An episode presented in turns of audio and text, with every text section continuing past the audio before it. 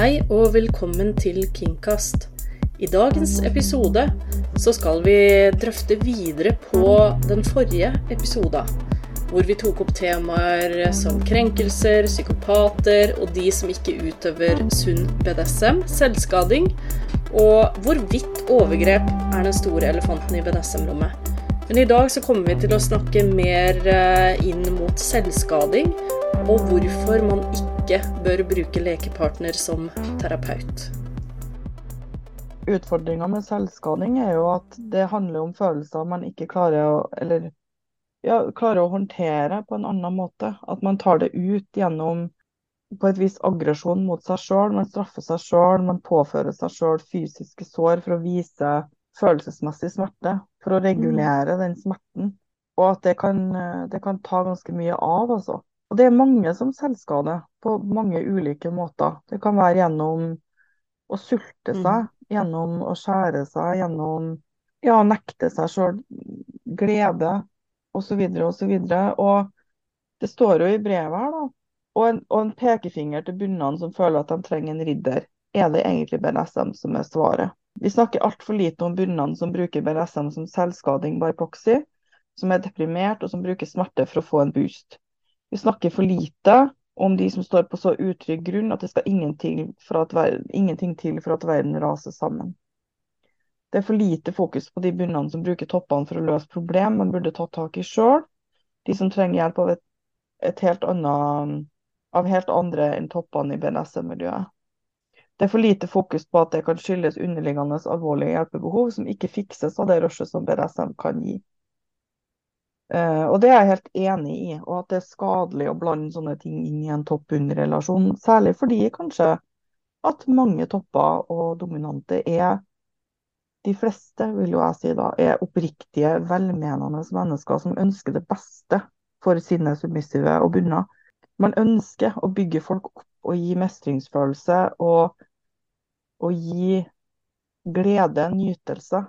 Mm. Også gjennom smerte, som kan være ganske nytelsesfullt. Altså, det er jo ofte hovedårsaken til at folk driver med masochistisk lek eller BDSM. Det er at de syns at smerte gir en behagelig sanseopplevelse. Og det er mye nytelse i, i den kjemiske endorfinreaksjonen. Mm. Vi fokuserer jo mye på de underdanige som masochistenes grenser, men her er det jo helt klart en grense for dominante og, og topper også. At det å bli blanda inn i en sånn potensiell redningsaksjon, eller å bruke som et redskap i selvskading, kan jo potensielt være skadelig for, uh, for den som oppdager at man har vært blanda inn i det. Altså, jeg vet hvor uh, såra og lei meg og rett og slett sint jeg hadde blitt hvis jeg hadde oppdaga at en av mine partnere hadde på en måte brukt meg for å skade seg sjøl. Jeg, hadde, jeg hadde følt meg misbrukt da, det er jeg ganske sikker på. Og det er ikke fordi at man ikke har sympati, empati med mennesker som selvskader. Noen gjør det i relativt kontrollerte former bruker det som en måte å koble ut hodet på når det, når det blir for stort press. Og kan også gjøre det sammen med andre mennesker, med samtykke. Det som ikke er greit, er å si det er derfor jeg vil at du skal gjøre det. Mm. Og, og skjule hva er liksom hensikten.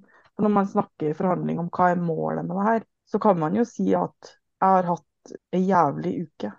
Jeg har bare følt meg mislykka. Jeg vil straffes. Jeg vil kjenne på den smerten fysisk. Jeg vil selvskade. Kan du gjøre det for meg?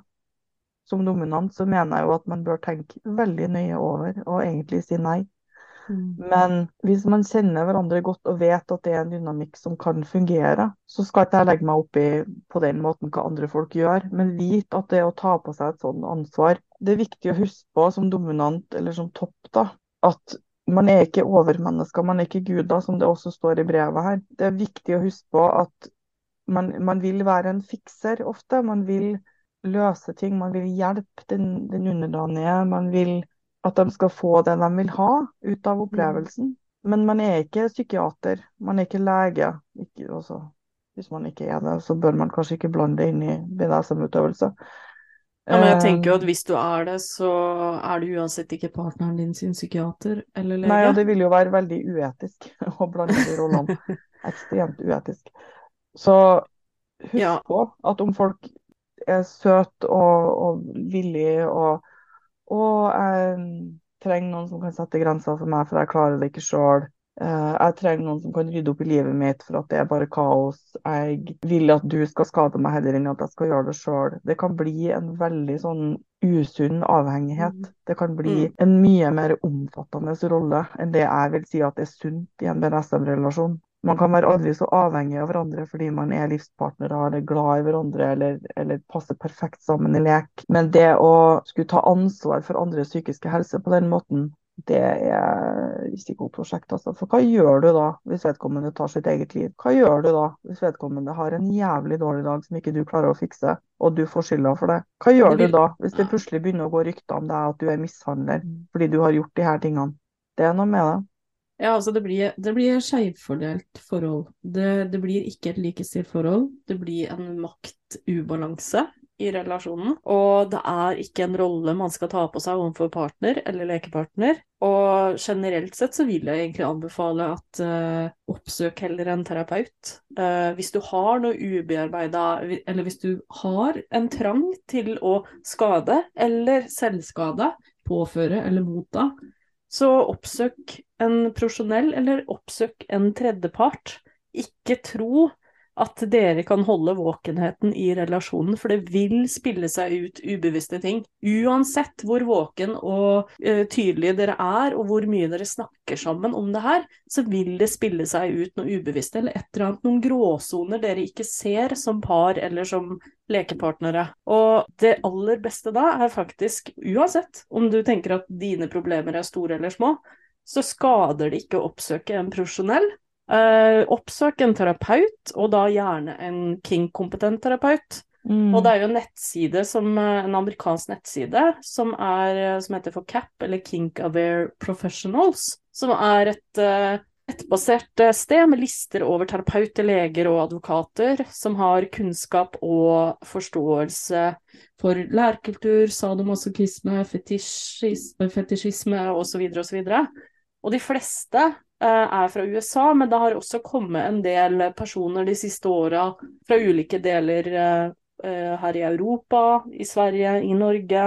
Og det er jo bare en kort flytur unna. Hvis du finner en god terapeut, og, og som både er anbefalt og som du ja, har lyst til å prøve en time med, så gjør det.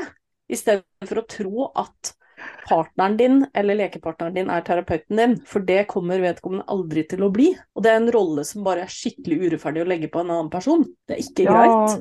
det er lett å tenke at um, å ja, nå har min bunn hatt en, en veldig dårlig dag. Jeg kan ydmyke denne personen og på en måte bryte dem ned ytterligere, sånn at de får det ut av systemet. Jeg kan hjelpe til, men de fleste har ikke den kunnskapen om psykisk helse, har ikke den detaljkunnskapen om hvordan akkurat denne personen fungerer, til at det kan gjøres med så liten risiko som ville ha vært akseptabel. Risi altså, også psykisk helsehjelp kan gjøre folk verre. Jeg bare sier det. Og det er gjort av Mhm. profesjonelle. Selv om de fleste har hjelp av det, så, eller føler seg bedre, så er det ikke uten grunn at folk noen ganger bytter terapeuter eller bytter metode. Og det å forvente at en partner man har møtt på nett eller på en klubb, hvor som helst, skal kunne ha den erfaringa og den innsikten. Altså, jeg ville ha vært bekymra, rett og slett, hvis noen sa at ja, det skal jeg fikse for deg. Mhm. Så klok er jeg. Det kan jeg.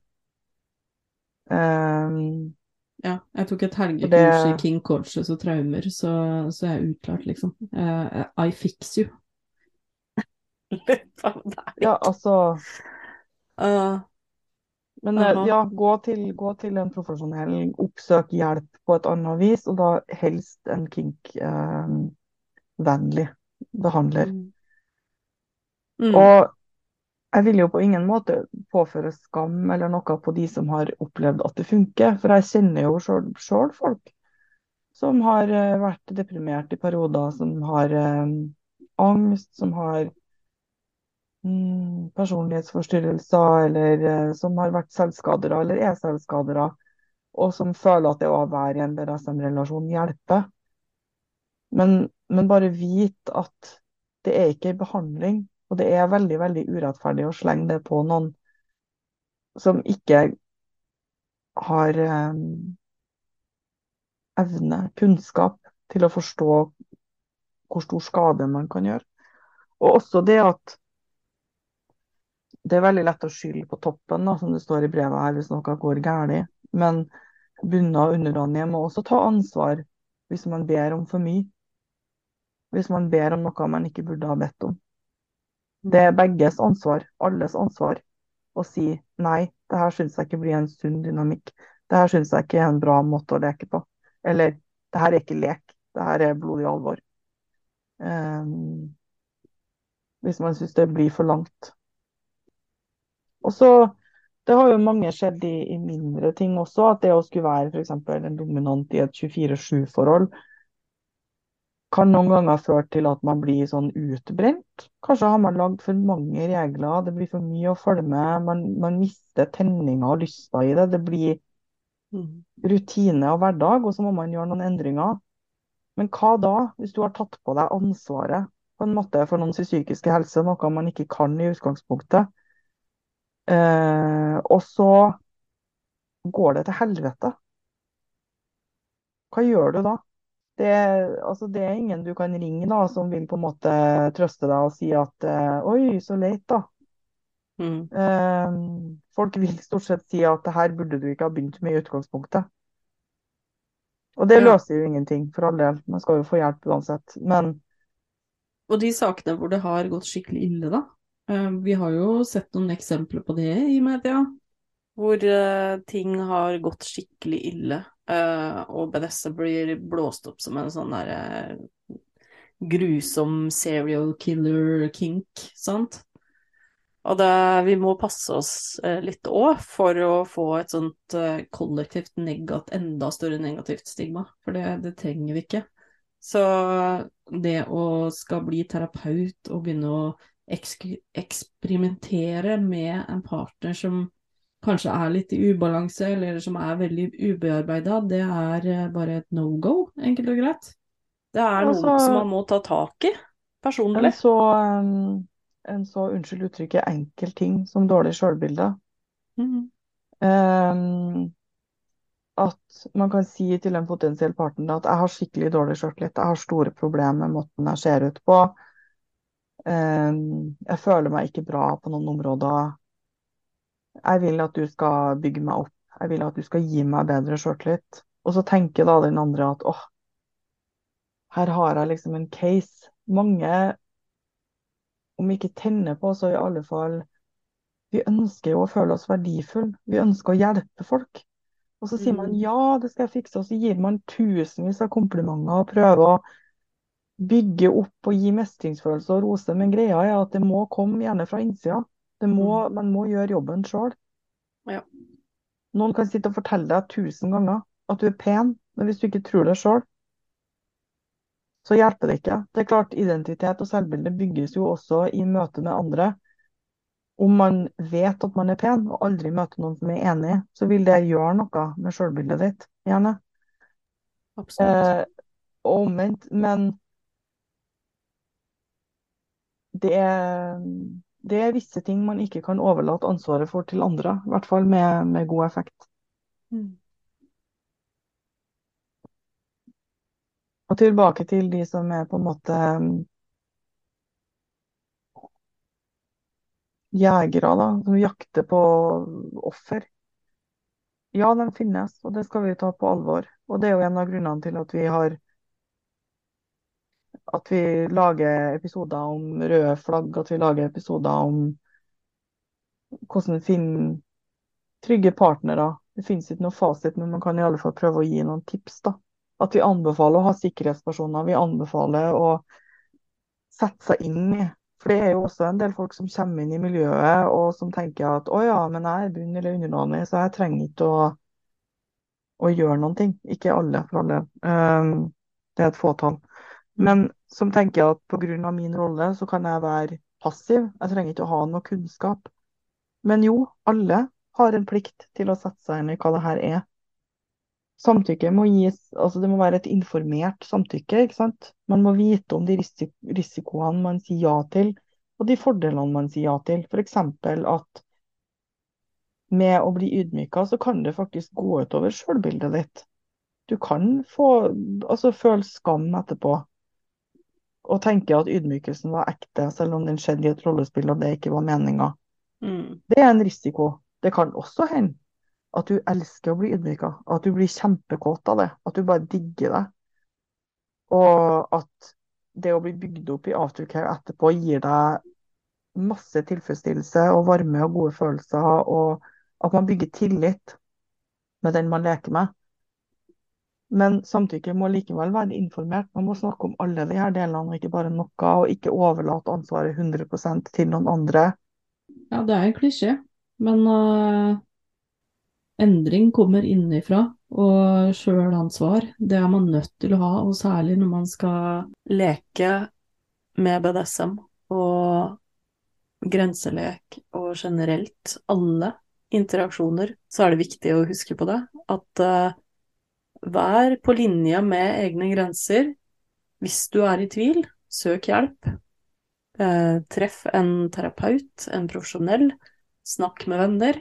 Snakk med miljøet. Og, og kjenn at det her er rett.